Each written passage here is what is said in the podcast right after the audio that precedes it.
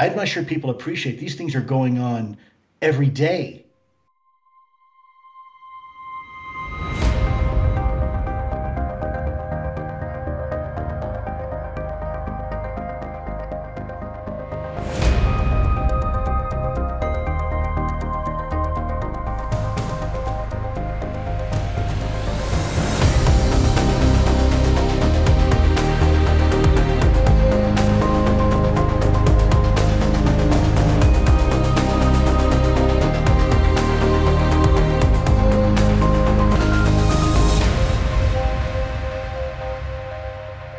Välkommen till UFO bortom rimligt tvivel.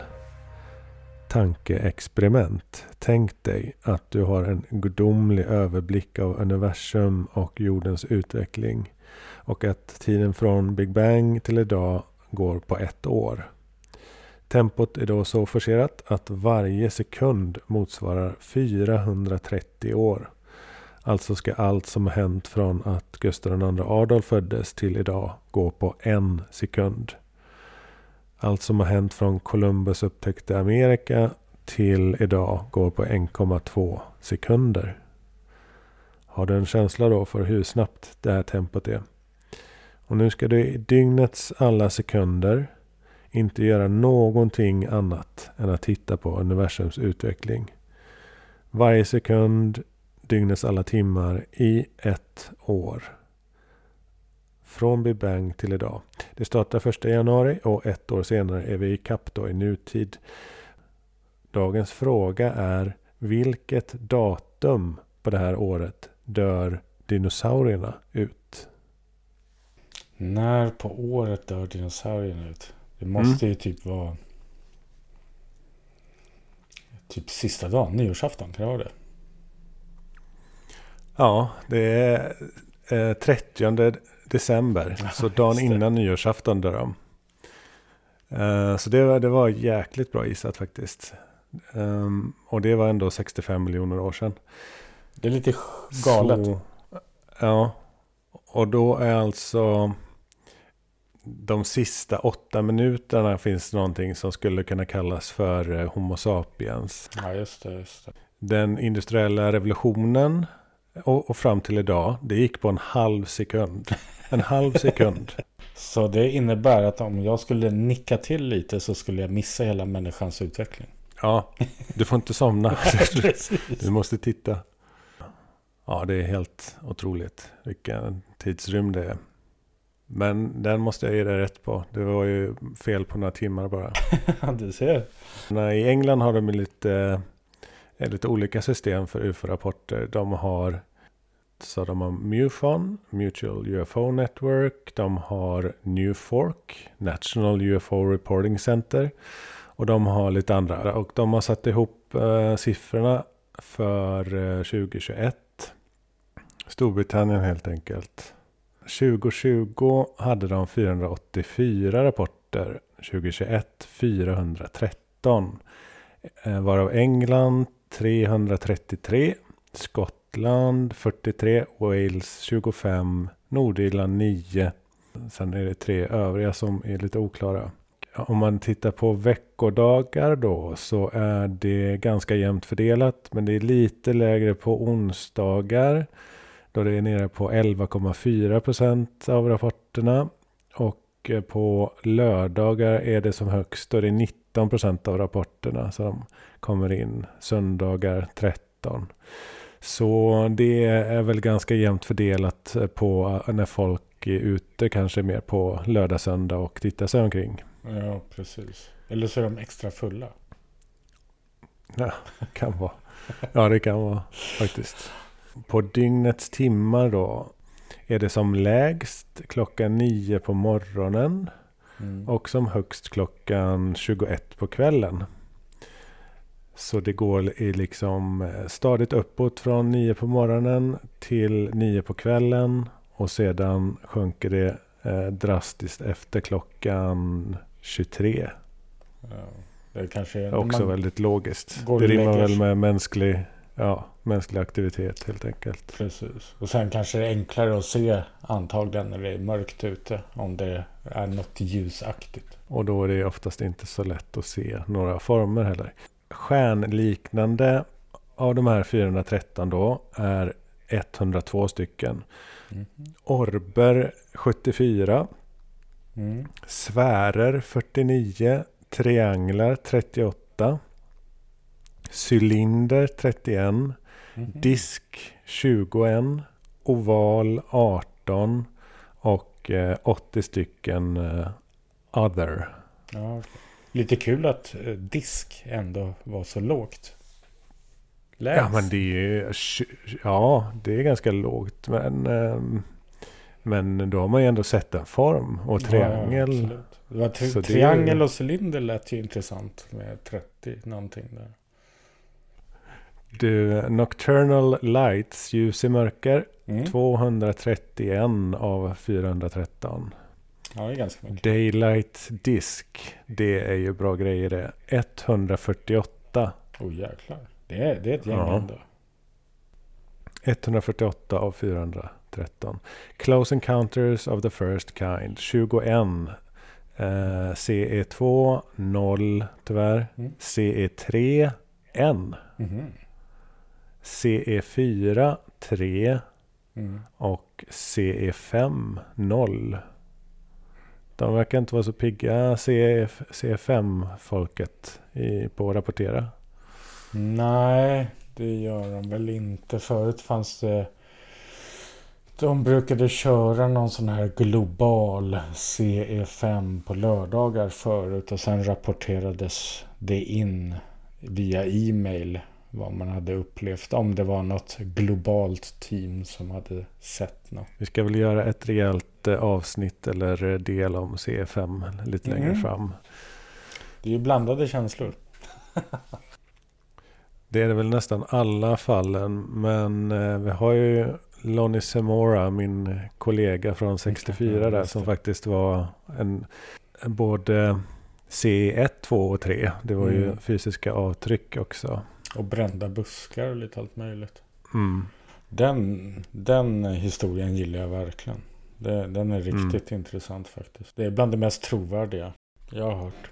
Det, han är, slår i taket på trovärdighet eh, och tillförlitligheten höjs ju enormt med Mm. de fysiska spåren. Sen så Precis. min, eh, tyvärr var han ju ensam då i sin bil. Men eh, vi får gå igenom det där fallet ordentligt någon gång. För det är ett av de mest fundamentala. Och sen när man lägger in tidsaspekten på det hela också med tanke på att han blev ju nästan deprimerad och Mm, förtvivlad. sa upp sig, Ja. började jobba på en mack. Ja. Han ville inte prata Och med gick till folk. kyrkan. Och, ja. och hans fru sa väl också, eller om det var hans Kanske var hans kompis som sa, men det kan vara hans fru också som sa att han var sig aldrig lik efter den händelsen riktigt. Nej, Nej det, det sa väl alla omkring honom att Mm. han aldrig var så lik efter det där. Eh, Sen var det ju minst tre personer som ringde in och rapporterade ett UFO i luften till polisen innan eh, händelsen faktiskt. Så det stödjer ju också tillförlitligheten. Det är riktigt intressant. Men vi, vi får ta en djupdykning längre fram. Ja, nu har vi nästan gjort det. vi har tagit en lättdykning. Ja, och eh, i, tillbaks till England då, eller Storbritannien, så var det som flest i september månad och som lägst i december. Mm. Det var märkligt här att i maj, juli och september varannan månad så ligger de på 40 eller strax över 40 och just juni och augusti där ligger de klart lägre. Men ja, Mm det är små siffror ändå så det är inte så mycket att dra slutsatser på. Det skulle vara intressant att se från, från varje land egentligen. Om man hade ordentliga inrapporteringsmöjligheter. Och kunna dra ut statistik över sig 10-15 år. Liksom.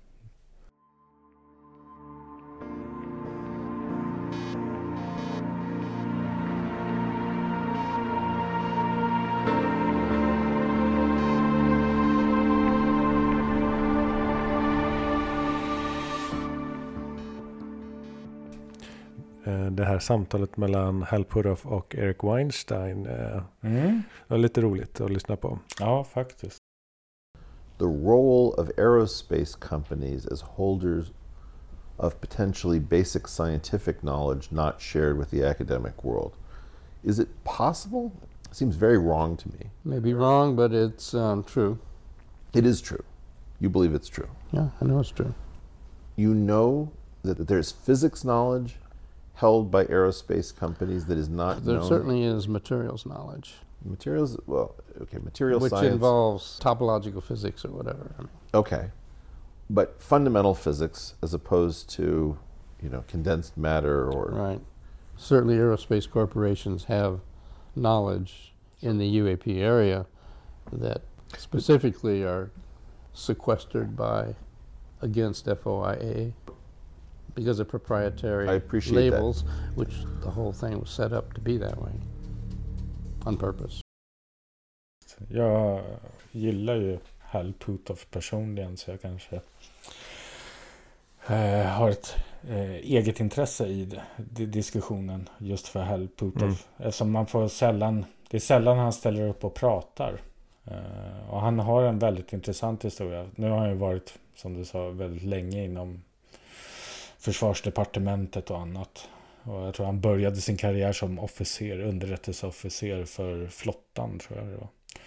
Och, och sen så fick han eller han, berätt, han har berättat en gång att anledningen till att han hamnade i den här lilla hemliga världen då, då det var att han var ju tekniker. Och, och eh, på den tiden var världens snabbaste dator tror jag var en megahertz eller så här kommersiell dator. Ja. Och då gav de han ett eh, uppdrag att bygga en 1 gigahertz dator. Men det, han lyckades aldrig riktigt, men de kom upp till 700 megahertz. Som var helt eh, Mm. eh, otroligt på den tiden. Då. Och han sa det liksom att få jobba med den typen av teknik, det var, det var ett självklart val för mig.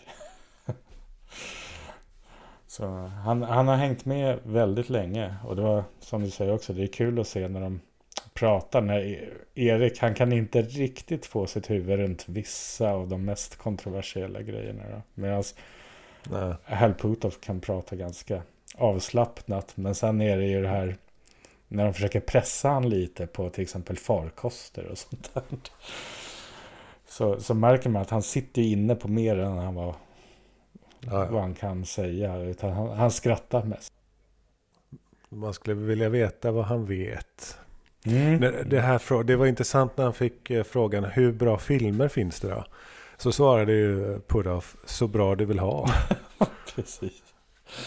Då, då blir man ju också så här, vad fasen, varför får inte vi se då? Alltså hur kan man, kan man inte bara skära bort det som inte är... Mm, men frågan är vad han säger där egentligen. För tankarna har ju gått då på att eh, du kan ju få hur bra film du vill. Mm. Eh, det är bara om, om du får tillgång till eh, godset Mm. eller inte. Jättemycket. Mycket är ju ganska... Det är ganska mycket upprepningar nu. I, eh, lyssnar man på Lou Elizondo så är det som att man ibland har hört 99% redan. Lou har ju sitt schema att hålla sig till. Han, precis. Eh, Vad är det han brukar säga? Det är ett maraton, inte ett, sprint, ett sprintlopp. han sa också någonting om att skaffa er en hobby i fem år. Ja, just det. Just det. mm. Men han sa ju även eh, lite lovande saker om sin bok när han var på Coast to Coast. Uh, let me make it very clear. I'm, writing this book for a very specific reason, and when it comes out, it's going to be very, very clear why. Uh, my hope is that it is going to be extremely informative, um, and I will be able to to provide information that has yet to be provided.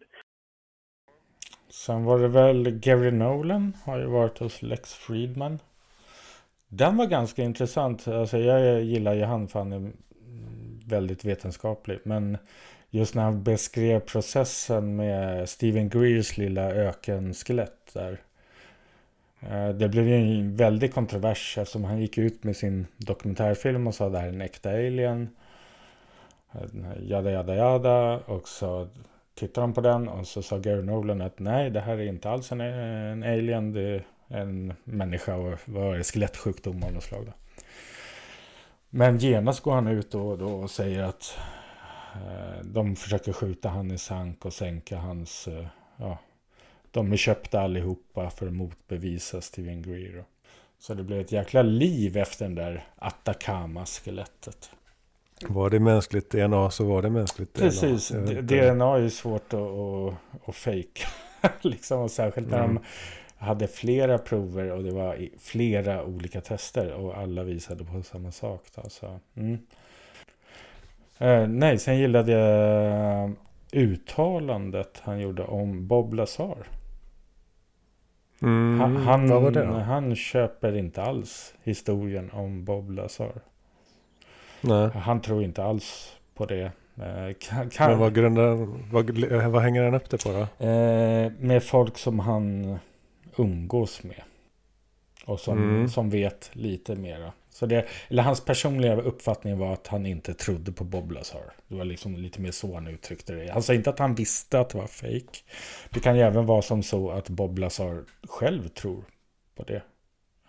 Så kan det vara. Så det kan man ju också. Men det, det tycker jag ändå man, man märker i Jeremy Corbells dokumentär. Att han, han visar ju på att det kan faktiskt vara sant. Men han säger också flera gånger att det behöver ju inte vara sant. Om det är som Bob Lazar säger så är det ju sj- sjukt spännande. Liksom. Men, Ja, men det är en spekulation. Men eh, då tycker jag han ska lägga fram sin eh, bit eh, Moskovium. Så vi får det här överstökat. Och kan vi sluta prata om om man snackar skit eller inte. För då skulle ju saken vara biff. Ja, det känns inte riktigt som att han behöver gömma det längre på det sättet. Och vara rädd för sitt liv eller vad det nu kan vara han har Eh, som. Eller Men antingen så använder han, det, använder han det som en livförsäkring och, och att han faktiskt har det. Eller så använder han det som en livförsäkring fast han inte har något. Det kan ju vara som en sån här dead man switch eller? Ja. Och sen har ju Chris Mellon, han har ju sagt att Bob Lazar inte är äkta heller. Ja, men Jim Semivan som eh, troligen har mer inside än Mellon på vissa delar. Alltså i praktiken. Eh, på en operativ nivå. Har mer, borde ha mer insikt än Mellon. Det Men sen å andra sidan så har vi Eric Davis som eh, totalt eh, Mm. säger bullshit. Så att det, det är lite polariserat om Bob Lazar kan man lugnt säga. Ja, det är en eh, känslig tå att trampa på kanske man kan säga. Det är det här med att grundämne 115 som hette Unum Pentium och sen bytt namn till Moskovium. Det är ju bara från Bob Lazar det kommer. Det är ingen annan som pratar om det i grundämnet. Att det skulle Mm. ha med UFO att göra. Nej, det är bara han. Det verkar konstigt att han bara skulle ha hittat på det från tomma intet. På något sätt. Ja, men det är ju någonting som inte stämmer i historien. Sen eh, vill- Mm. vad det är och det är ju det som är frågan. Undrar om vi någonsin kommer få veta. Jag tror, jag skulle nog tro faktiskt att det kommer reda ut sig även om Bob Lazar inom 10-20 år.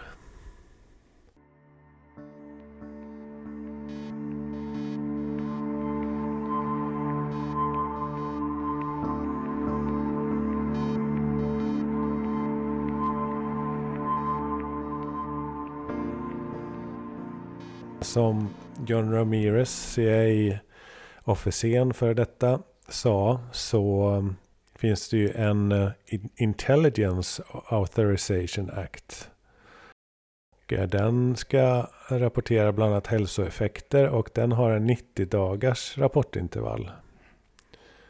Och den är också för 2022. Så 90 dagar är ju då för efter första kvartalet i år. Men det var ju en rapport i höstas som aldrig kom. Så att eh, det är lite oklart när de här rapporterna faktiskt kommer att komma. Det är ju, det är ju tydligt vad som är tänkt. Mm.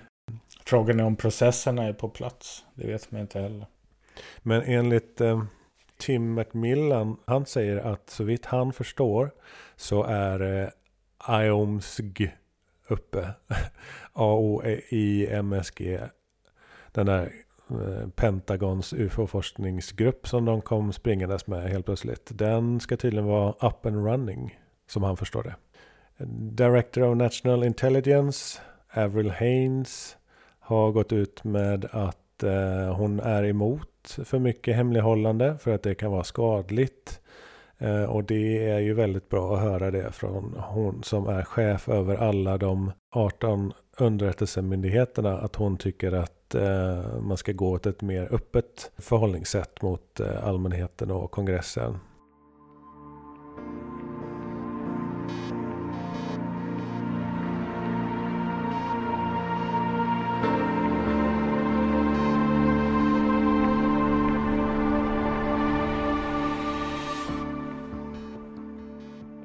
Men nu då till Christopher Mellon och hans bredsida mot US Air Force.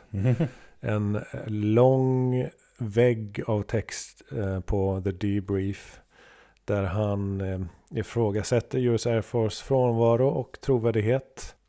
Han eh, radar upp olika skäl till varför det är väldigt tydligt att US Air Force med säkerhet kan vi påstå att de sitter på väldigt mycket uppgifter som de inte delar med sig av.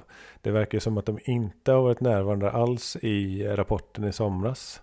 Eh, UAP Task Force rapport. Att den var eh, ingenting från US Air Force i den. Nej, de var nog helt frånvarande. Vilket fick många att eh, fundera.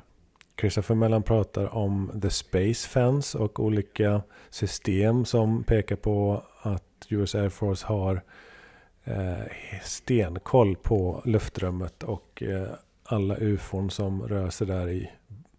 Eh, de har ju det här gamla eh, försvaret mot eh, ryska missiler som de har uppgraderat nu i, eh, i 50 år. Någonting sånt. Ballistic Missile Early Warning System från kalla kriget. Eh, de har ju även det här radarsystemet eh, Solid State Phased Away Radar System med sådana här riktade eh, radarstrålar som kan upptäcka saker i storleken av en puttekula. Ehm, så här in kommer man inte utan att eh, ses av alla de här systemen. Och det är också det är 29 komponenter av olika typer av luftövervakning, satelliter, mätsystem för magnetism, eh, infraröd strålning och så vidare. Ja, det här Solid State eh, radarsystemet, det har alltså en kapacitet att se ett objekt lika litet som en baseball på 20 000 miles avstånd.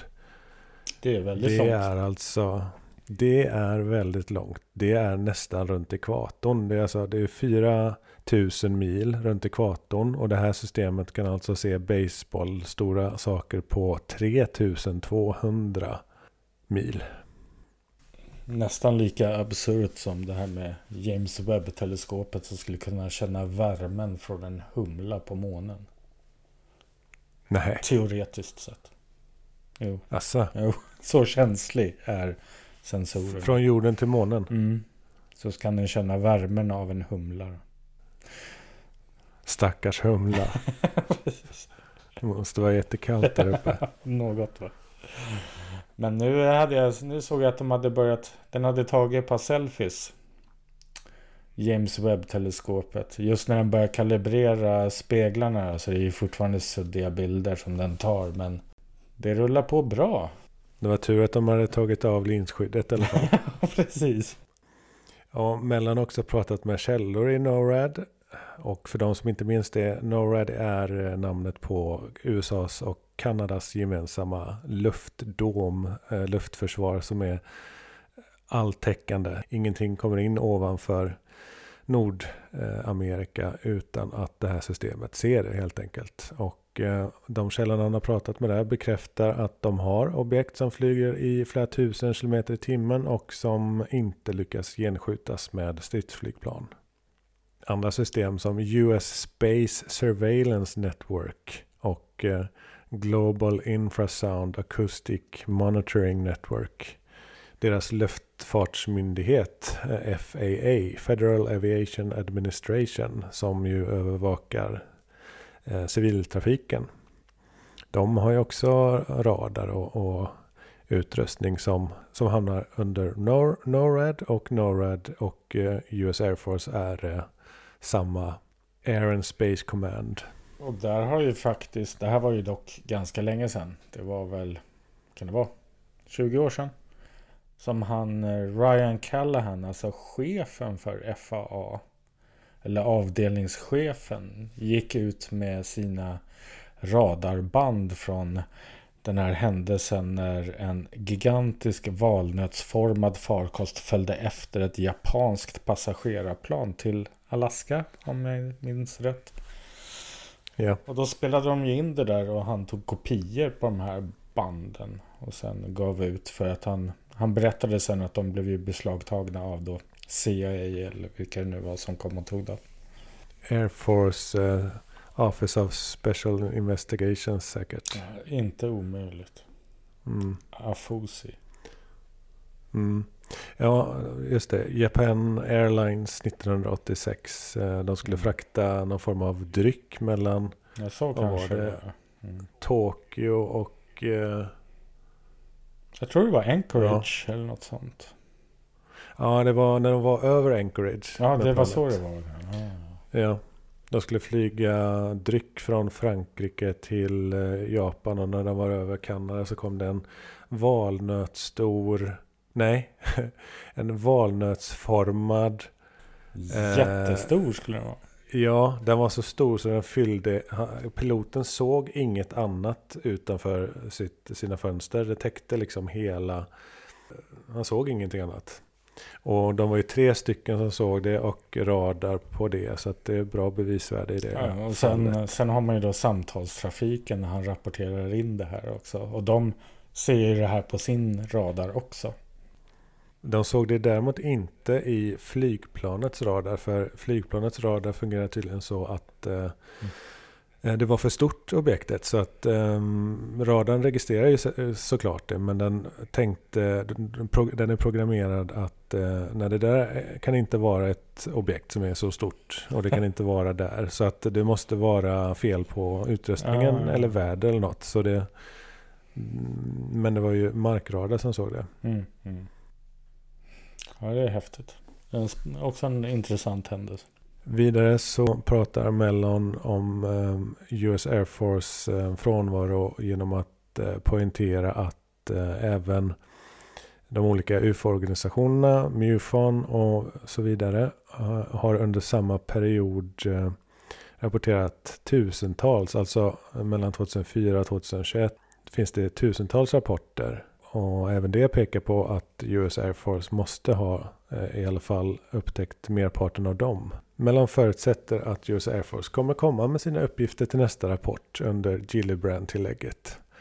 Det var lite uppmanande sagt. Jag vet inte om man tror på det riktigt men eh, han förutsätter det i och med att Gillibrand-lagen säger att de ska göra det. Ja, det återstår ju att se vad som kommer hända. Vidare så kom NORAD med en rapport 2015 som indikerade att man hade i snitt 1800 årliga så kallade tracks of interest. Alltså någonting som de inte vet vad det är men de är intresserade av. Vilket eh, ju skulle vara rimma extremt bra med eh, UFO-fenomenet.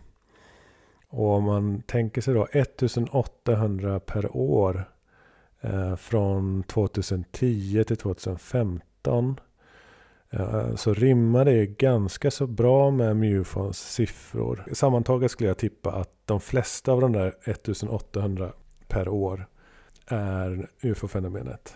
I alla fall merparten då.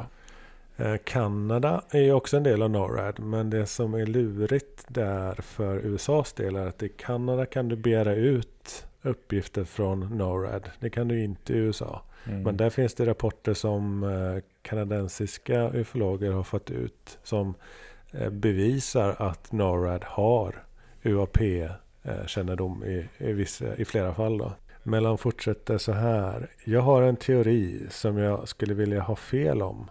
Att flygvapnet är så vana vid bristande civil insyn i UAP-frågor att det knappast tar sådan tillsyn på allvar. kanske är civila beslutsfattare också så vana vid att eh, eh US Air Force eh, förnekar alla uppgifter angående UAP att det inte ens tänker utmana flygvapnet längre. Och det är väl så det har blivit. Betyder det här också då att den här hemlighetsstämplade delen som eh, vissa kongressledamöter fick se och så. Betyder det att all film de fick se och alla fall, då borde ju de komma från flottan nästan då? Mm. Det verkar som det. Eh, det är väl inte någon som har sagt att det med 100% säkerhet är så. Men det verkar som att det är, allting är från US Navy och ingenting är från US Air Force. Yeah, to, to uh, exemplify what Lou's talking about, the US space surveillance system alone has 29 distinct components in subsystems. So you've got a ground based optical network that strings the world that's looking at the sky and comparing the movement against the stars of any anything that is reflecting light from the sun, for example. And then imagine 28 other components, including satellite systems and ground-based radars and other things. So it is quite an extensive mesh, as Lou said. But part of the reason that, uh, in addition to that, that it seems so uh, unconscionable to me that the Air Force was not um, presenting or sharing any cases is some of this stuff is in the newspapers. I mean, we've got Air Force interceptors taking off from, from fighter squadrons in Oregon, chasing UFOs that commercial airline pilots are reporting to the FAA, and the FAA's got them on radar, and we've got the the chatter from the pilots on radar, and the Air Force is acknowledging these planes were scrambled. So how can they not list and identify those as is UAP incidents?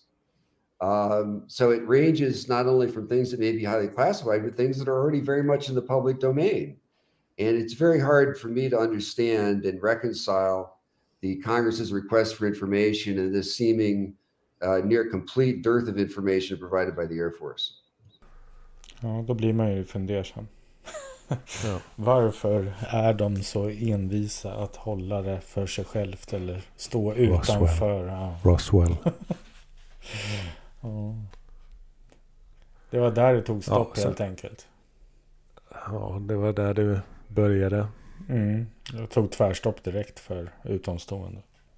Eh, sen så påpekar han Robertson Panel hur man då 1952 efter The Washington Flap som de flesta lyssnare säkert känner till att man eh, i på sommaren 1952 hade stora händelser över Vita huset och hela huvudstaden med ufon som flög omkring.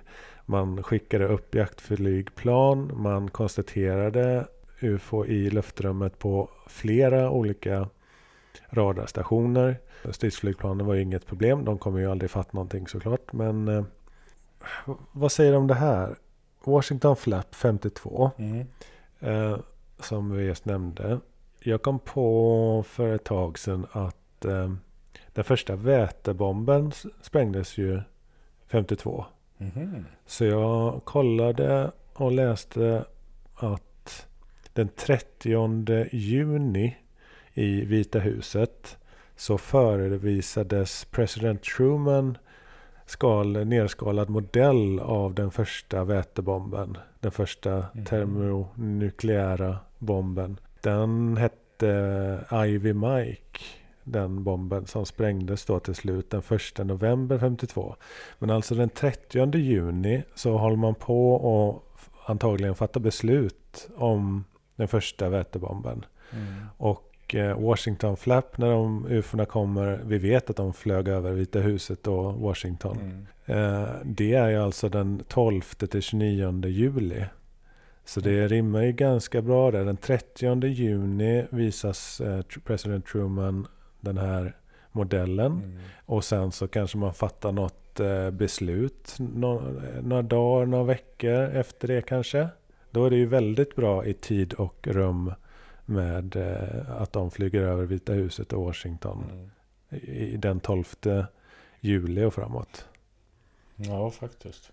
Det... Jag, jag fantiserar om att man kanske skrev på papperna ungefär då eller gjorde någonting i processen, ett, ett steg eh, mot att faktiskt spränga den första vätebomben. Ja, det känns som att han måste ha skrivit på något direktiv eller något liknande kanske. Mm. Nej, jag har, kan inte heller komma på att jag har hört den kopplingen. Men jag menar, i tid och rum så är det ju väldigt nära alltså. Och eh, med tanke på hur stort intresse de har för kärnvapenteknik så är det här ett gigantiskt steg också att spränga den första vätebomben. Åter till Christopher Mellons eh, ifrågasättande av US Air Force. Ja, The Robertson Panel, ja.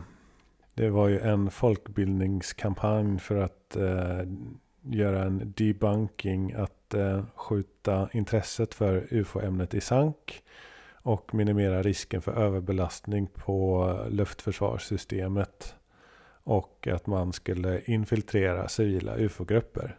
Detta vet vi att de eh, både beslutade om och faktiskt gjorde. Mm. Så där har väl också Rick Doty sagt en del också. Precis. Honom är det ingen som tror på längre.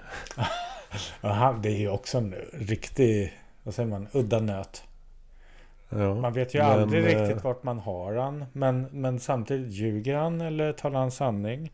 Han har ju bevisligen haft vissa positioner. Han eh, blev anställd som konsult åt Hal Puthoff. Jag menar för att, Mm.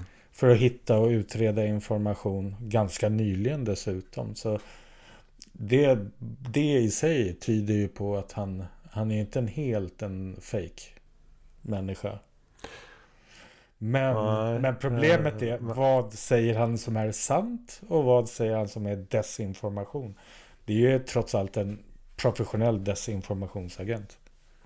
Men han har ju frikort. Han har ju totalt frikort. Han kan ju säga hur mycket sanningar som helst för det är ingen som kommer tro honom. Nej, Nej han kan göra vad som helst egentligen. Säga och göra vad som helst. Han kan vrida det här ämnet ganska ordentligt. Men, men så fort han säger något så skriker ju folk högt.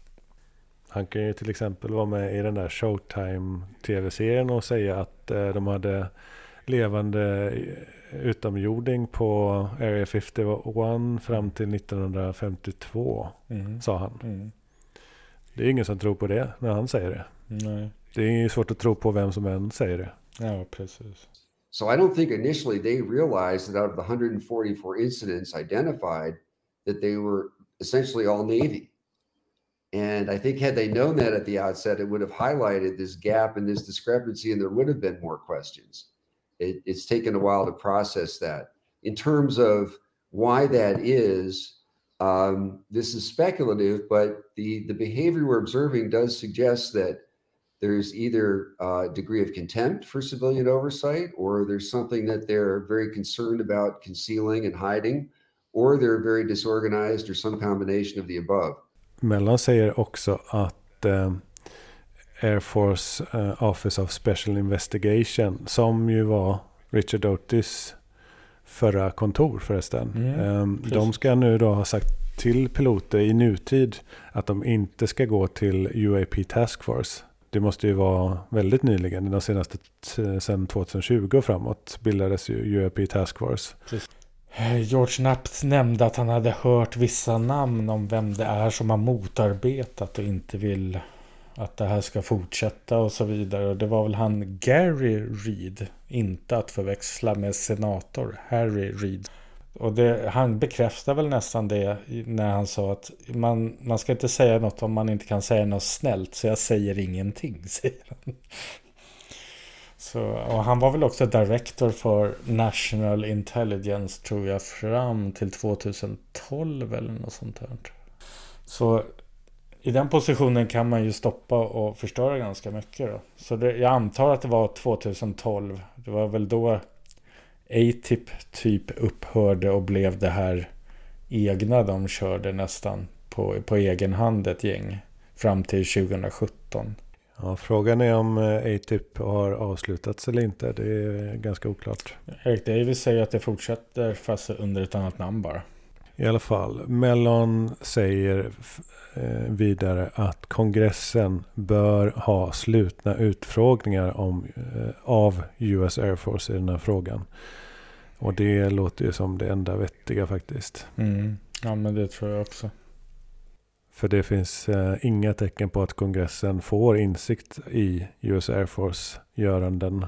Louise Ellison då säger att det ligger ju inte i ett flygvapens natur och inte, eh, får man väl lägga till, det ligger ju inte i militärens natur att erkänna att man inte är i kontroll trots alla resurser. Att någonting annat är helt överlägset ens förmåga. Det, liksom, det tar ju emot för ett flygvapen, världens bästa flygvapen, att eh, prata om det. Eh, det är inte omöjligt. Men jag tänkte hela världen sitter väl i typ samma situation. Man skulle nog aldrig kunna erkänna sig svag. Men jag tycker inte att det är ett tecken på svaghet. You have this real threat where Russia has nukes and we are in this winner winner takes all mindset. Um, and then we've got this other thing out there that we don't really understand very well. We don't, you know, we don't understand how it works and who's behind it, but we don't see any really overt hostile intent, at least not yet. So we probably should focus on on the real threat that we all agree is there, which is then Soviet Union. Also, you're talking about um, things like Operation uh, and Blue Book, right, where you you had this whitewashing of certain data. Um, there was a lot of pressure on the Air Force at the time to say, look, these things aren't real. Let's not cause a panic. Let's just kind of tamp this down and we can deal with it later, perhaps. Uh, so they've said for the record to the American people in the Congress that there's nothing to see here, folks. Now we're asking the Air Force to come back online and say, well, actually, maybe there is something here. Uh, and then, of course, you have um, some of the the the efforts by the U.S. Air Force in the past on this topic. Maybe they're uncomfortable you know, talking about it. Maybe maybe there's some some national security equities involved. And then last but not least, I think there may be a generational thing here too.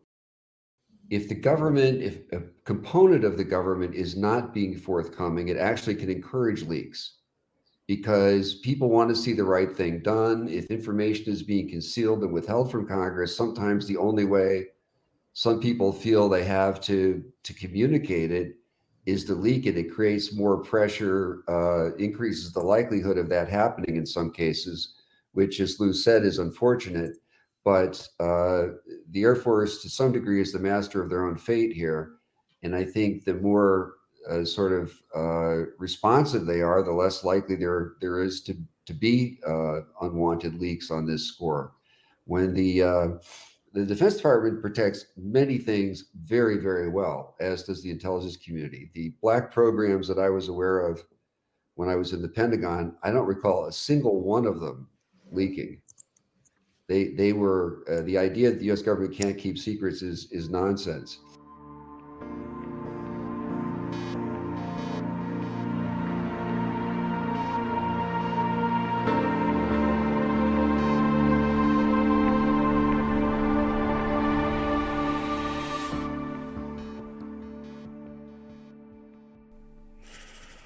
Kina börjar komma igång med sin rymdstation också. Eh, de mm är ju, ja, de är verkligen på hugget med att ge sig ut i rymden just nu. Så de tröttnade på den internationella rymdstationen, bygger en helt egen. Och jag har bara sett en bild ifrån den när man typ jämför den med en ISS. Då, då. Och man man inser att Kina är ganska bra på teknik. Den ser ju modern ut jämfört med ISS där det ser ut som en rymdfarkost från 80-talet ungefär. Och så har det kommit lite mera uppgifter om den här incidenten med de flygande trianglarna mm -hmm. 2019. Eh, Dave Beatty som har eh, gjort den här eh, de här, intervjuserien som vi hänvisade till i Nimitz-fallet. Ja, just det, just. Mm, han fick då kontakt med massor som hörde av sig efter han eh, hade gjort det där. Det var en källa som var air controller på USS Chaffee. En eh, jagare i eh, amerikanska flottan på västkusten. Den jagaren var inte närvarande vid Nimitz-incidenten. Den var på något annat ställe då. Men i december då, en månad efter ungefär, så, så säger det här, den här källan att eh, två stycken stridsflygplan skickades upp för att eh, genskjuta ett eh, ufo-fenomen en månad efter Nimitz-incidenten bara. Och det hade inte jag hört i alla fall. Nej, inte jag heller. Men vi vet inte vem den här källan är. Men eh, han ska ju kunnat var USS Chaffee och de andra fartygen var någonstans och sådär. Så att det verkar ju trovärdigt enligt BT i alla fall. Så då fick han ett tips om USS Kid, ytterligare ett mm -hmm. stridsfartyg. Om att de ska observerat 2019 då eh, flygande föremål som liknade dem i Nimitz-incidenten i samma område. Fast då 2019 mm. istället för 2004. Ja, just det. Så BIT bland annat begärde ut eh, handlingar, fartygsloggar och där kunde man läsa att eh, de hade beordrat ut de här dokumenteringsteamen då som hette Snoopy Team. Ja, som även kallades, även kallades Viper Teams. Mm. Och de enligt skeppslagen där så har de skickats ut i tid och otid under ett par dagar och konstaterat blinkande ljus är det samma trianglar och pyramider som Corbell beskriver? Mm, det kommer då mm, sen. Ja, ja, men då är jag med. Mm. I juli 2019 ska det här ha skett. Och det är då när de blir alltså omringade vid något tillfälle av eh, flygande föremål. Och det handlar ju inte om drönare. För vi vet ju att US Navy har inga problem med mänskliga drönare. Du kommer inte i närheten av en eh, amerikansk flottilj med en simpel drönare. Oavsett hur avancerad din militärdrönare är så kommer du inte lyckas med det. Ehm, utan det här är ju någonting annat då som kan svärma, som de beskriver det, runt de här fartygen. Ja, mm. Och de, eh, vid det här tillfället så såg de det med eh, nakna ögat. Någon sorts objekt, lik en tic-tac. Eh, då filmades den här berömda filmen på trianglarna där det är man ser att det är en night vision goggles eller bildförstärkare. Alltså sådana mörkerglasögon som förstärker ljuset ett par tusen gånger. Där någon stoppar bak en kamera, troligen en privat telefon för att en privat telefon är inte militär utrustning. Och därför så kunde man lättare släppa ut den här filmen. Och det är därifrån som den här filmen på trianglarna kom ut två år senare nästan. Eh, den kom väl ut i våras va? Precis, mm. precis. Mm. Ja, vi diskuterade ju det där om det var bokefenomenet eller inte. Men jag skulle nog säga att det är när på uteslutet. Eh, I och med att vi har radarbilder och vi har, eh, det är ändå US Navy vi pratar om. De har, kommer inte att, vid det här laget, när de har sett de här flyg, eh, flygande föremålen runt skeppen. Svärma kring skeppen vid ett par tillfällen. Att blanda ihop det med civilt flyg som inte får flyga i eh, övningsområdet. Det ska ha väldigt, väldigt svårt att tro. Utan, och, och, och det luriga blir då varför blinkar de här trianglarna eller pyramiderna som det ska ha varit i takt mm. med eh, positionsljusen på flygplan och helikoptrar. Men det, det, det, kan ja. vara en reflektion. Ja, precis. Mm. precis. Mm. Att det reflekterar också. Men det kan också vara ett sätt för dem att eh, om man härmar så kanske man försöker kommunicera till exempel. Jag tror att det rör sig om en reflektion. Men jag tror också att det rör sig om en oerhörd smartness. Alltså, mm. det är ju det här fallet är ett bra exempel på... Eh, har du sett ett riktigt bra trolleritrick någon gång Peder? Oh ja, ja. jag är ju trollkarl så mm. jag... Ja just det ja. Eller jag var, ja. kanske man ska ja. poängtera. Okej, okay, okay. Men alltså ett riktigt bra trolleritrick där man blir helt jävla lurad och förstår inte alls hur någonting kan ha gått till. Eh, eller en mentalist som, eh, som styr dig, det styr dina tankar och kan läsa av hur du tänker. Tänk mm. dig, eh, vi kan ändå lura varandra ganska väl. Oh ja. Tänk dig då, eller jämför med en hund, relationen med en hund. Om du utnyttjar din överlägsna intelligens och din överlägsna teknologiska förmåga till att, till att lura en hund så är det ganska lätt, eller hur? Mm. Det är inte särskilt svårt. Nej, det är ganska lätt. Ja. Jag tror att vi... eh, Det är ju inte en slump tror jag. Att det är sådär enormt tvetydigt i de här eh, situationerna. Du kan ju titta på den där filmen och tänka att det stämmer ju bra med bokfenomenet. Att eh, saker ur fokus, om du har en Eh, triangelformad slutare så kommer eh, lysande föremål att bli trianglar för att eh, de måste gå igenom den triangulära slutaren. Men eh, dels så, eh, bokefenomenet, eh, det finns ju inga mobiltelefoner eh, så vitt jag vet som, som orsakar eh, trianglar, flygande trianglar och bokefenomenet på det sättet. Eh, och, det har jag aldrig sett. Nej, och vi ser att det är, eh, man filmar igenom de här bildförstärkaren, mörkerglasögonen och man ser att linsen är ju rund och någon, Mm. någon slutare har de inte. Mm. Och, och att de skulle ha någon slags bländare som är triangelformad eller någonting sånt. Det, det är... Det verkar ju jättekonstigt. Det- Det, de har någon nej. special... Ja, nej, nej. Nej. Utan det där är nog trots allt flygande pyramider som re reflekterar ljuset från helikopterplattan på något Ja. av fartygen. Eh, och sen förstärks det då ett par tusen gånger. Så att det ser lite starkare ut än vad det faktiskt Ja, just det. var. Precis. Men är det inte så också att det här, det här pågår under flera dagar? Det här. Mm, jo. Och, och att de här Viper eller Snoopy Team, att de, de kom hela tiden. De var där ganska många gånger. Eller om det Mm. var i en enda lång.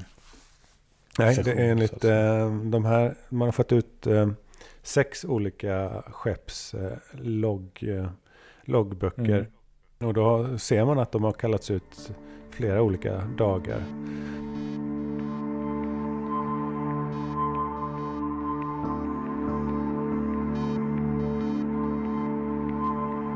Varför är det ingen som pratar om att sätta press på Lockheed Martin? Ja, jag tycker det är jättekonstigt. Det, eh, det är som att diskussionerna blir väldigt känsliga och tysta. åter till projekt Galileo så har ju de också fått tillgång eller ska få tillgång till 210 stycken satelliter som Planet Labs, ett företag, som ska ge sin eh, kapacitet då till eh, Galileo-projektet. De kan med sina satelliter fotografera hela jorden varje dag. Det är inte dåligt. Är det därifrån kanske de räknar med att få de här fotografierna i HD-upplösning inom två år? Man kan då se objekt så litet som två personer stort. Oj. Då borde man ju kunna försöka fånga ett bra foto. Apropå ordet person. Så i filosofin så skulle det också vara tillämpbart på icke-mänskliga varelser. Person är alltså eh, en person som är medveten om sin egen existens och, och självbestämmande och så vidare. Så ordet person är eh, tillämpbart på våra vänner där ute. Mm. Michael Shermer och Gary Nolan har gått med i Galileo-projektet också. Ja, det stämmer det så. Ja. Gary Nolan, ja. Gary Nolan har vi pratat om mycket. Eh, du Det förresten, var lite intressant också. Ja, Mm. du får börja. tänkte du säga samma sak som jag? Eh, Det vet jag inte. Men jag tror inte det. Men jag tänkte på Gary Nolan. Det Mm. kanske var samma sak. Mm. Det jag tänkte på var att han i den här analysen av materialet han har gjort så, så eh, sa han att han hade typ bekostat det själv. Ur egen ficka typ 50 000 dollar eller något sånt. Ja, jag tror det var 15 000 dollar, men det är ganska mycket pengar det också. Så det, det finns ju ett stort intresse inte bara av forskare själva utan även då vad heter det? Venture capitalists. Precis, men du, eh, Riskkapitalister. vet du vad det var Vad jag... tänkte du på? Ja. eh, det får ju stanna mellan oss ufo-intresserade här då. För de där Mm. andra människorna som inte förstår riktigt. Det, de kommer att utnyttja detta till att eh, skjuta ner Gary Nolans eh, trovärdighet. Men han är en experiencer. Ja, just det. Var det inte det han Diana Pasulka skriver om i sin bok American Cosmica? Så var det. Mm. Exakt. Just det. Avslöjat det. Men Michael Shermer är ju en eh, person som jag höll ganska högt innan jag blev eh, intresserad av ufologi. Eh, han är ju gammal god vän med min favoritförfattare Christopher Hitchens. Eh, och han talade bland annat på Hitch begravning. Uh, och jag läste Skeptic Magazine som han är redaktör för. Men han är ju han har ju varit prof professionell ufo-debunker har jag förstått nu. De senaste åren. Han har ju hållit på oh, hela, hela 90-talet. Inte hur många olika dokumentärer där han är intervjuad. Eller är med i Larry King Live. Och är ganska ignorant helt enkelt.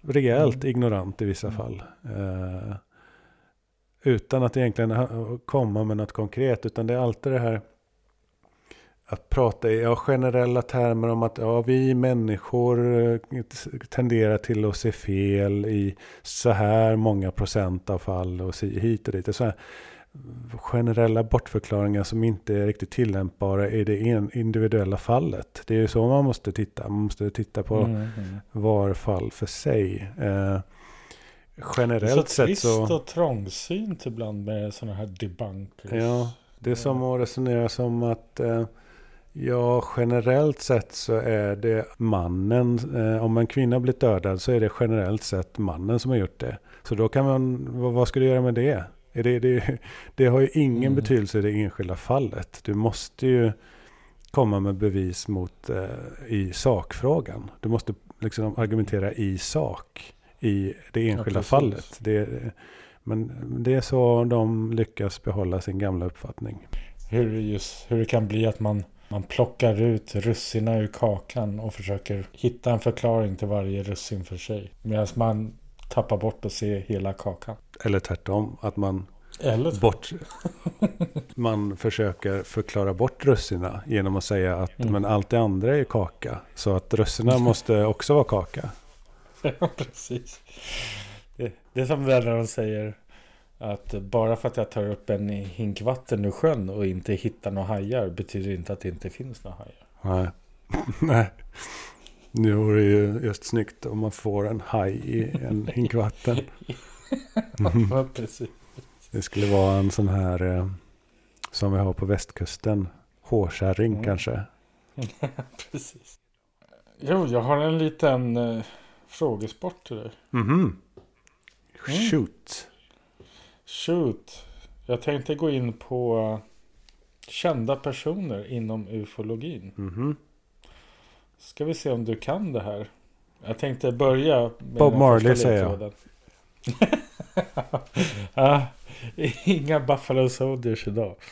Men om jag säger så här då. Jag börjar, det måste ju vara svårt i början tänkte jag.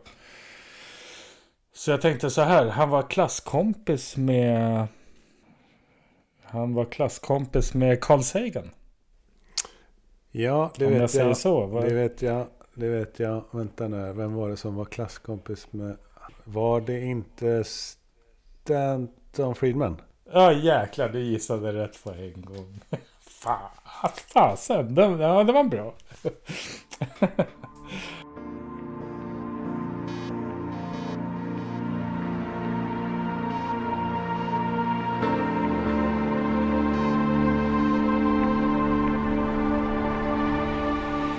Peder.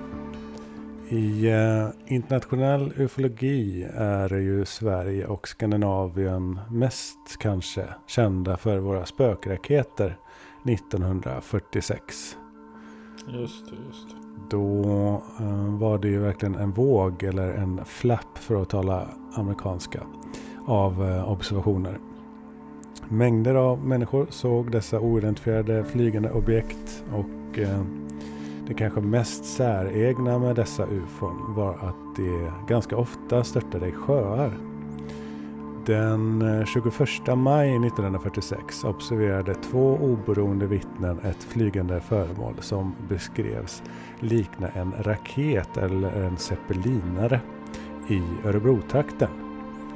Eh, den ena av dem säger att den hade små vingar och det andra vittnet säger att det var utan vingar.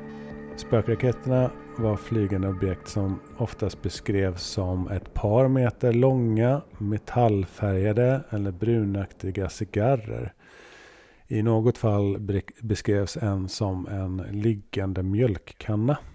Svenska försvarsmakten var snabba på att intressera sig för det här fenomenet. Med en stor organisation under sommaren 46 och eh, en grupp som fick smeknamnet Spökraketkommittén bildades. Det var väl pressens smeknamn på kommittén. Eh, och eh, ordet spök satte man ju då för någonting som var okänt snarare än att det hade med vad vi kallar spöken idag. Då. Men det mest berömda fotot från den här spöksommaren 46 eh, visar dock troligen en dagsljusmeteor. Så de som googlar spökraketer kan lätt hamna på den här bilden. Men det är kanske fenomenet som luras lite. Eller så är det faktiskt en ovanlig dagsljusmeteor med bra timing. Uh, och det är inte helt vanligt. Uh, vet du Peder, när hörde du att du som ändå varit intresserad så länge. Hur ofta lyckas man i Sverige fotografera en dagsljusmeteor? Jag tror jag aldrig hört talas om det faktiskt. Eh, jag, har inte, jag kan inte minnas att jag har sett något foto på det heller. Ja, vanligt. Men i alla fall, sommaren 46 så var det tusentals svenskar och nordbor som observerade spökraketfenomenet. På bara fyra dagar i juli fick svenska försvaret in 300 rapporter. 300 rapporter på fyra dagar. Och vid, ja, och vid sommarens slut var siffran 997 Eh, knappast så var det ju så att alla rapporterades. Utan den egentliga siffran är ju flera tusen. Eh, och man undrar ju om det här skulle ha hänt 2022. Om så tusentals människor såg eh, ufon. hur det skulle yttra sig idag. Vad tror du? Ja, det skulle ju vara en eh, enorm händelse. Eh, Undrar hur folk skulle ta emot det. Jag tror faktiskt man skulle bli fascinerad och nyfiken. Den 19 juli 46 störtade spökraketer i fyra olika sjöar i Sverige. Och dagen efter i en norsk sjö. Så på bara en dag, 19 juli, störtade fyra olika spökraketer i fyra olika sjöar. Det här var nämligen under eh, högtid för att var eh, vara ute och slå hö. Och vid sjön Kulmjärv hörde Knut Lindbäck och Beda Persson ett brummande och de tittar upp och ser ett föremål som det beskriver som en liggande mjölkkanna som störtade i sjön med ett stort vattenuppkast.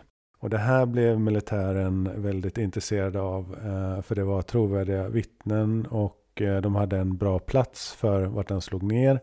Och de gav sig ut till sjön och sökte redan dagen efter och sedan i flera veckor framöver. Eh, man byggde en flotte, mätte strålning, man använde metalldetektor och tog 35 000 sondprover, bottenprover. Antar jag. jäklar. Mm. Man letade av sjön meter för meter eh, och man hittade en tydlig nedslagsplats. Och eh, man hittade några dumpade föremål som till exempel ett gengasaggregat. Och vad är det då? Ja, det är en eh, slags apparatur som man hade då när det var ont om olja under andra världskriget. Så användes gengasaggregat för att driva motorer genom att eh, använda ved som man på den tiden kunde köpa på mackar.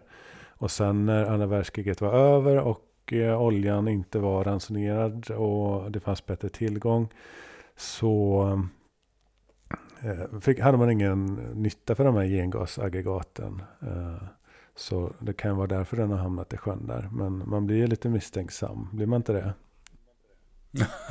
jo, det blir man. Minst sagt. Gengasaggregat. Hur stor är en sån? Om du tänker dig ja, som en, som en eh, vanlig tunna, ett fat, en tunna kanske.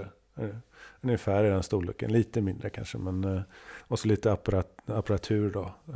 Ja. Man misstänkte såklart att det var Sovjet som låg bakom de här spökraketerna. Och att det hade med beslagtagen V2-raketteknik att göra. De här V2-raketerna som Hitler skickade mot framförallt England och London i slutet på andra världskriget. Vedergällnings V står för vedergällning, visste du det? Nej, det visste jag faktiskt inte. Jag visste att det fanns V1 och V2 men inte, inte vad V1 att det stod för vedergällning. Han var en sur farbror på slutet. det, det, det, var årets underdrift 2022. Precis. Så. Men i alla fall så den 14 augusti så jagade då stridspilot löjtnant Gunnar Irholm en spökraket när han och Furir Muller flög ett militärt flyg av modellen B18A på träningsuppdrag från flottiljen F1 i Västerås. De var, flög på det här träningsuppdraget på några hundra meters höjd endast och klockan 10.02 eh, spökraketsommaren Eh, 14 augusti så eh, observerade det en eh, flygande cigarrformad sak på 3-4 kilometers avstånd ungefär. En mörkgrå cigarr, spetsig fram och bak. Och Irholm säger så här. Min reaktion var att det inte kunde vara ett vanligt flygplan. Sådana var jag ju van vid att se med den speciella siluetten som stjärtfenan ger. Men det här liknade en cigarr eller en diskus sedd från sidan. Det syntes ingen fena där bak. Vi var tillräckligt nära för att kunna se om det var ett vanligt flygplan eller inte.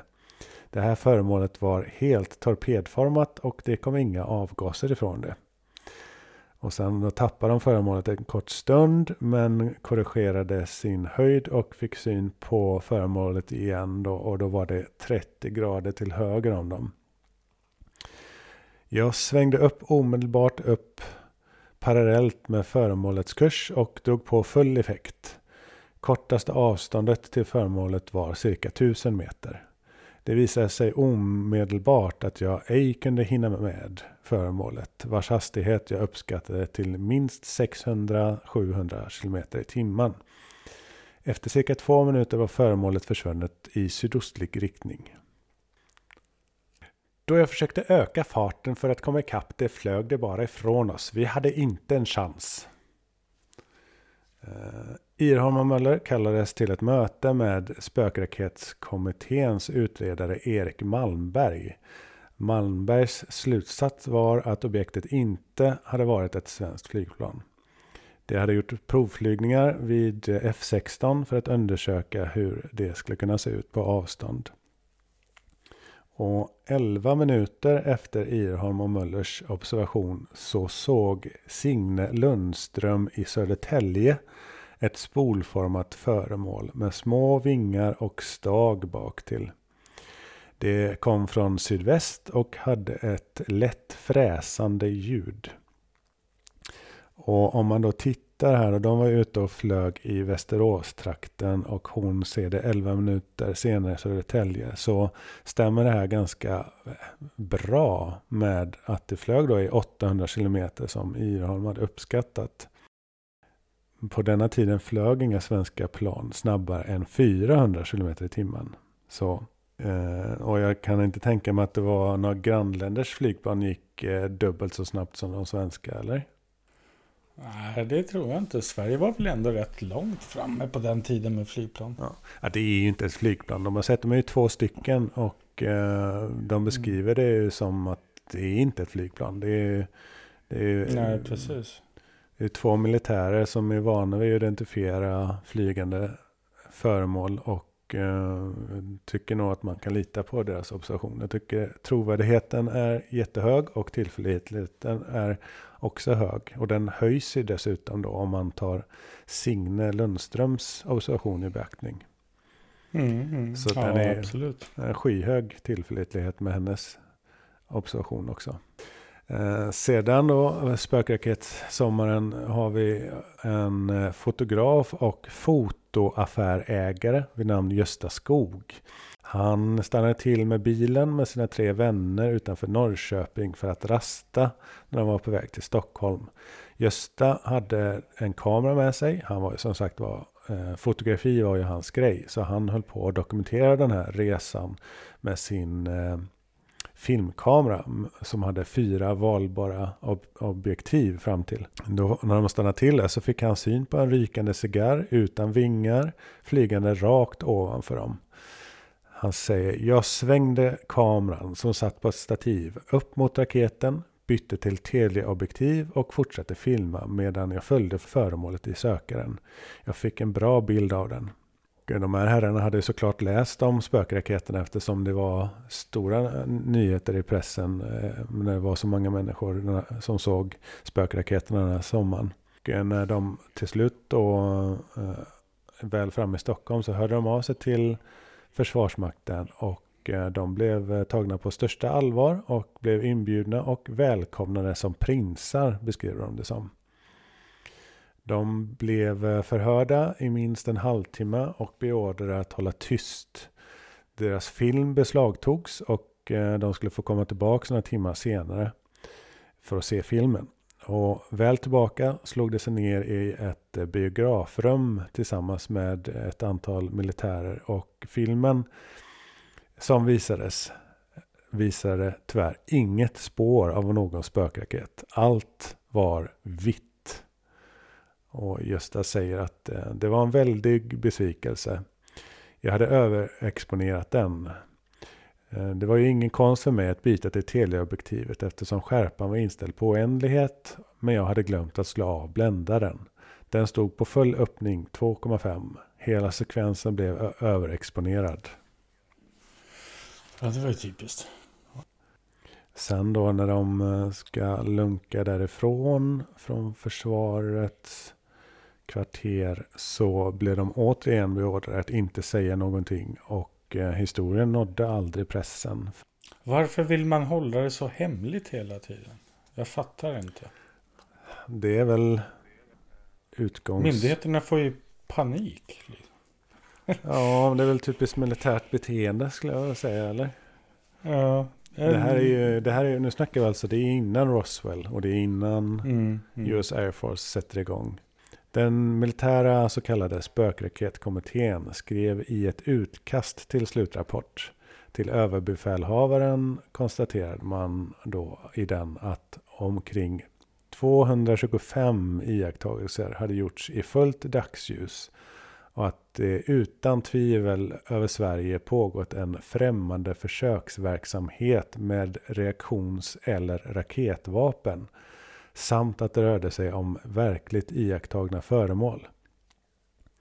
Över 100 av dessa rapporter beskrev spolformade föremål med eller utan vingar. Man konstaterade också att dessa vapen tillhörde en helt ny generation militära system. Projektilerna är styrbara antingen med autopilot och då förhandsinställd för en viss bana eller radiostyrd med impulser från markstationer, eventuellt med television eller av en i projektilen befintlig mänsklig pilot. Slutcitat. Det satt alltså gubbar i de här spökraketerna och Ja, körde. jag tror att de inte riktigt... eh, jag tror att de inte riktigt hade så bra koll på ufo-fenomenet 1946. Det var nog här det började för svenska militären. Vi hade ju i och för Precis. sig eh, spök, de så kallade spökflygarna på 30-talet. Men eh, och det var ju orsaken till att man öppnade flottiljen i Luleå faktiskt. Det var av s- anledning av spökflygarna 33-34. Men det är frågan. Jag skulle inte sätta så mycket pengar på att det var ufo-fenomenet. Eh, Nej. Det tycker nog Claes Svan också. Att det är spökflygarna. Det är nog kan troligen handla om Tyskland. som är uppe och rekar. Men osvuret är bäst i den frågan skulle jag säga. Men i alla fall, när Anders Liljegren och Claes Svan då hittar en annan historia om spökraketen i arkiven så är det kanske den eh, min favoritdel i svensk ufologisk historia. Det är nämligen, får vi hoppa fram till 1948. Så spökraketvågen var sommar 46. Men det som inte är så känt, eh, jag har aldrig hört någon utanför svensk ufologi prata om det här, men i alla fall. Överbefälhavaren själv, general Helge Ljung, satt klockan 11 på dagen den 18 juli 1948 på sin terrass vid stugan som man hade vid en sjö som heter Vomfjärden öster om Stockholm. Och där sitter han och läser tidningen. Det är en klar sommardag och i eh, ÖB Ljungs egna dagbok har, har, han skrivit då att det kom en egendomlig väsande två meter stor projektil genom luften. Den gick i stark fart och glänste lite och svängde i en båge över sjön och störtade i vattnet. Eh, och han tog då med sig en kamrat ut och rodde ut till platsen för nedslaget. Men där var det 18 meter djupt så att eh, de såg inte så mycket och eh, rodde tillbaka. Men eftersom det var självaste aktiva ÖB, landets högsta militära chef näst efter kungen då. Så hände det ju saker. Man satte in eh, radarspaning och man satte in flygningar över sjön. Överbefälhavare Ljung satte överste Jakobsson som två år tidigare lett spökraketkommittén för att undersöka Vomfjärden. Och den 6 augusti är Ljung ute och seglar. Och får tillsammans med flera andra den här kvällen eh, se ytterligare en stor projektil flygandes mot Stockholm. Och eh, han ser den i två sekunder där. Samtidigt görs observationer av militär personal på ett KA-fartyg, kustartilleriet. Som beskriver vad det ser som ett raketliknande föremål med stark utblåsflamma. Som var magnesiumfärgad och gick eh, över i en blåaktig ton. Men även från Visby och Nor Norrtälje kom det in rapporter eh, om vad som kan vara en komet. Man flög över eh, Vomfjärden och eh, man skickade dit ubåtsräddningsfartyget Belos eh, för att dyka. Och locket läggs helt på och händelserna där hamnar aldrig i pressen. När eh, lokalbefolkningen där ute vid Vomfjärden, det ligger öster om Stockholm då, så undrar man vad det är militären håller på med. Men då verkar det som att man skyllde det här på att ÖBs fru hade tappat en briljantring och att det var den man letade efter. Det berättar i alla fall eh, eh deras dotter då, långt senare till Klas i en, eh, vid ett samtal. Eh, att Eh, de de, de skildrar här dykningarna på ÖBs frus eh, eh, tappande av en briljantring. Men det var ju inte sant såklart. Det var däremot för grunt för fartyget Belos att ta sig in där. Så man släpade istället med mindre fartyg då. Släpade man en dykare fram och tillbaka över botten. Eh, och sedan försöker man i ett par omgångar till med olika metoder och apparater. Man håller alltså på där i Vomfjärden i månader. Men ingenting verkade hittats. Och den 25 oktober så avslutas dykningarna. Och eh, det som man kan läsa då är Belos loggbok. Då. Eh, man har dykt timmar Eh, per dag eh, under flera veckor och kanske hållit på i totalt flera månader då, fram till den 25 oktober. Men i Helge Ljungs dagbok från den 20 oktober så står det att Servell anmälde citat napp i Vomfjärden. Dykning imorgon. Så det är det sista som står då i Helge Ljungs dagbok om det här. Servell anmälde napp i Vomfjärden. Dykning imorgon. Eh, som att man skulle då hitta någonting. Men om det var falsklam eller inte, det vet vi inte någonting om. Eh, det finns ingen konkret anledning att tro att man hittade någonting där. Och då ska vi komma ihåg att man har ju letat eh, tidigare den här sommaren så letade man ju som jag sa i Kölmjärv och i, på andra ställen eh, rejält efter spökraketer som hade störtat i sjöar men utan att hitta någonting. Men eh, detta är inte riktigt slutet på historien om ÖB Helge Ljung och spökraketen i Vomfjärden. För Ehm, några månader senare hade US Air Force underrättelsepersonal i Sverige och det fick reda på ÖBs observation från den 6 augusti. Det här med den misstänkta kometen. Ehm, och 1946 hade vi ju spökraketvågen och eh, 1947 så hade ju USA sin disk craze med eh, Kenneth Arnold och Roswell i spetsen som vi ju har delvis pratat om hittills.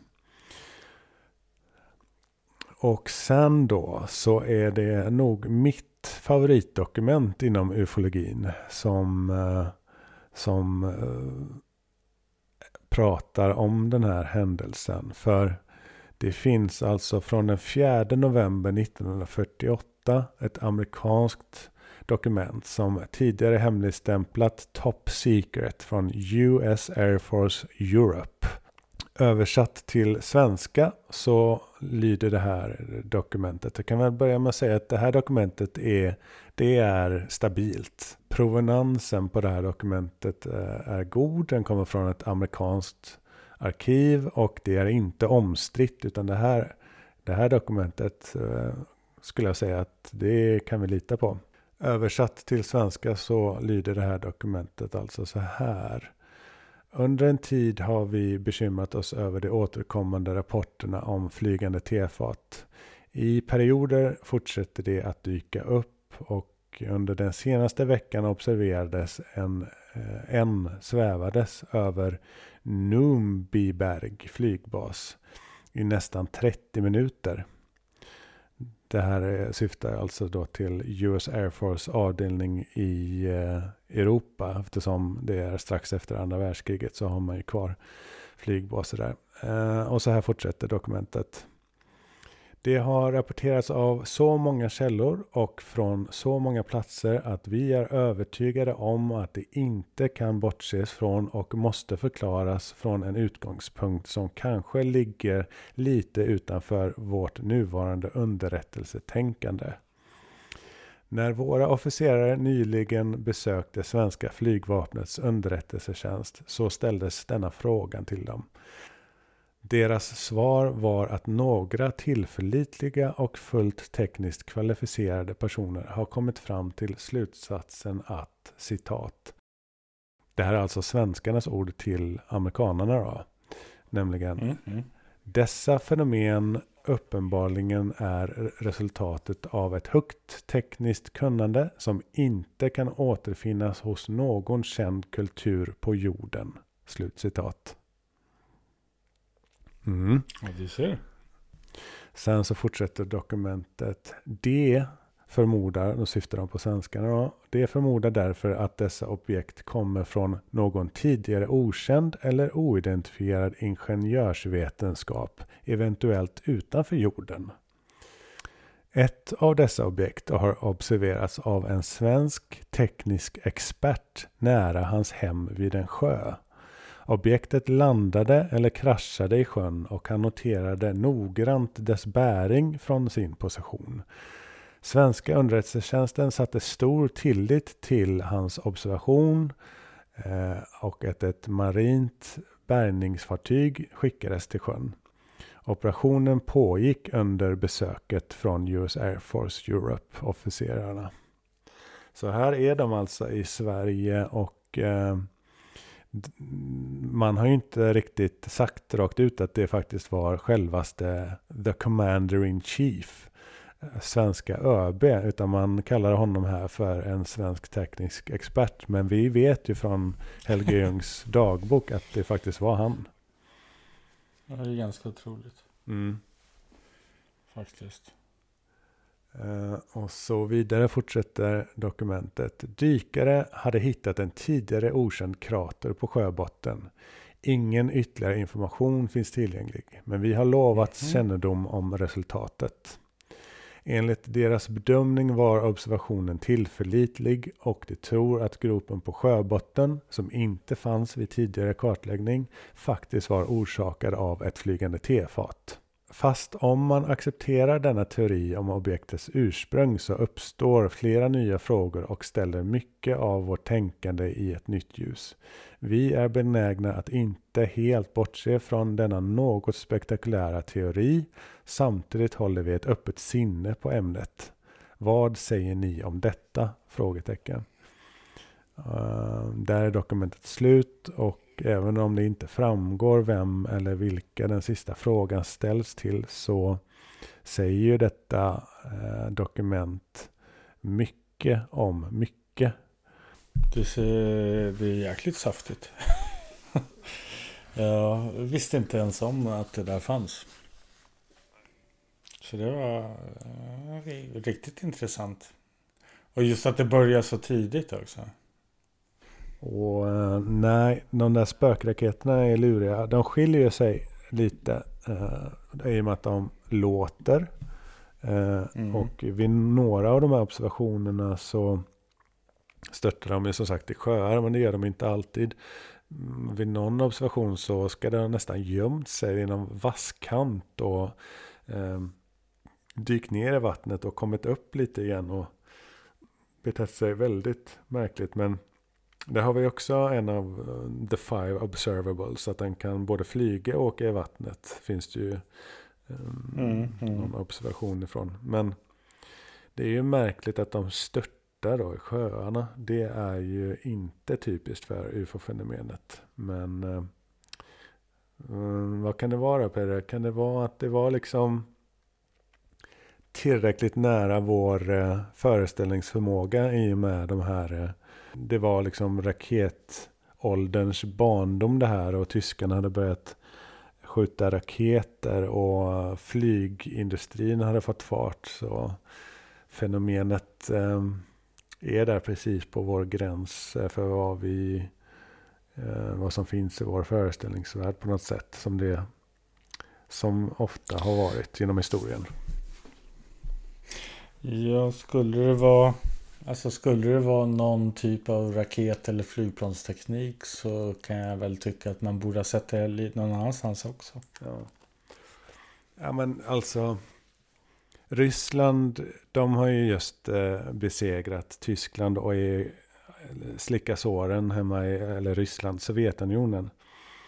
Eh, det kan ju inte tänkas möjligt att de skulle satsa på att skicka hundratals, tusentals raketer som ska åka omkring och inte göra mer nytta än att störta i sjöar över Sverige som var neutralt och inte hade att de skulle ägna sig åt det. Hur skulle de tekniskt hur skulle någon på den tiden tekniskt eh, kunna få ut någonting av det? De hade ju inte liksom knappast några tv-inspelningar på de här eh, farkosterna och då ska de åka och samla upp det materialet sen.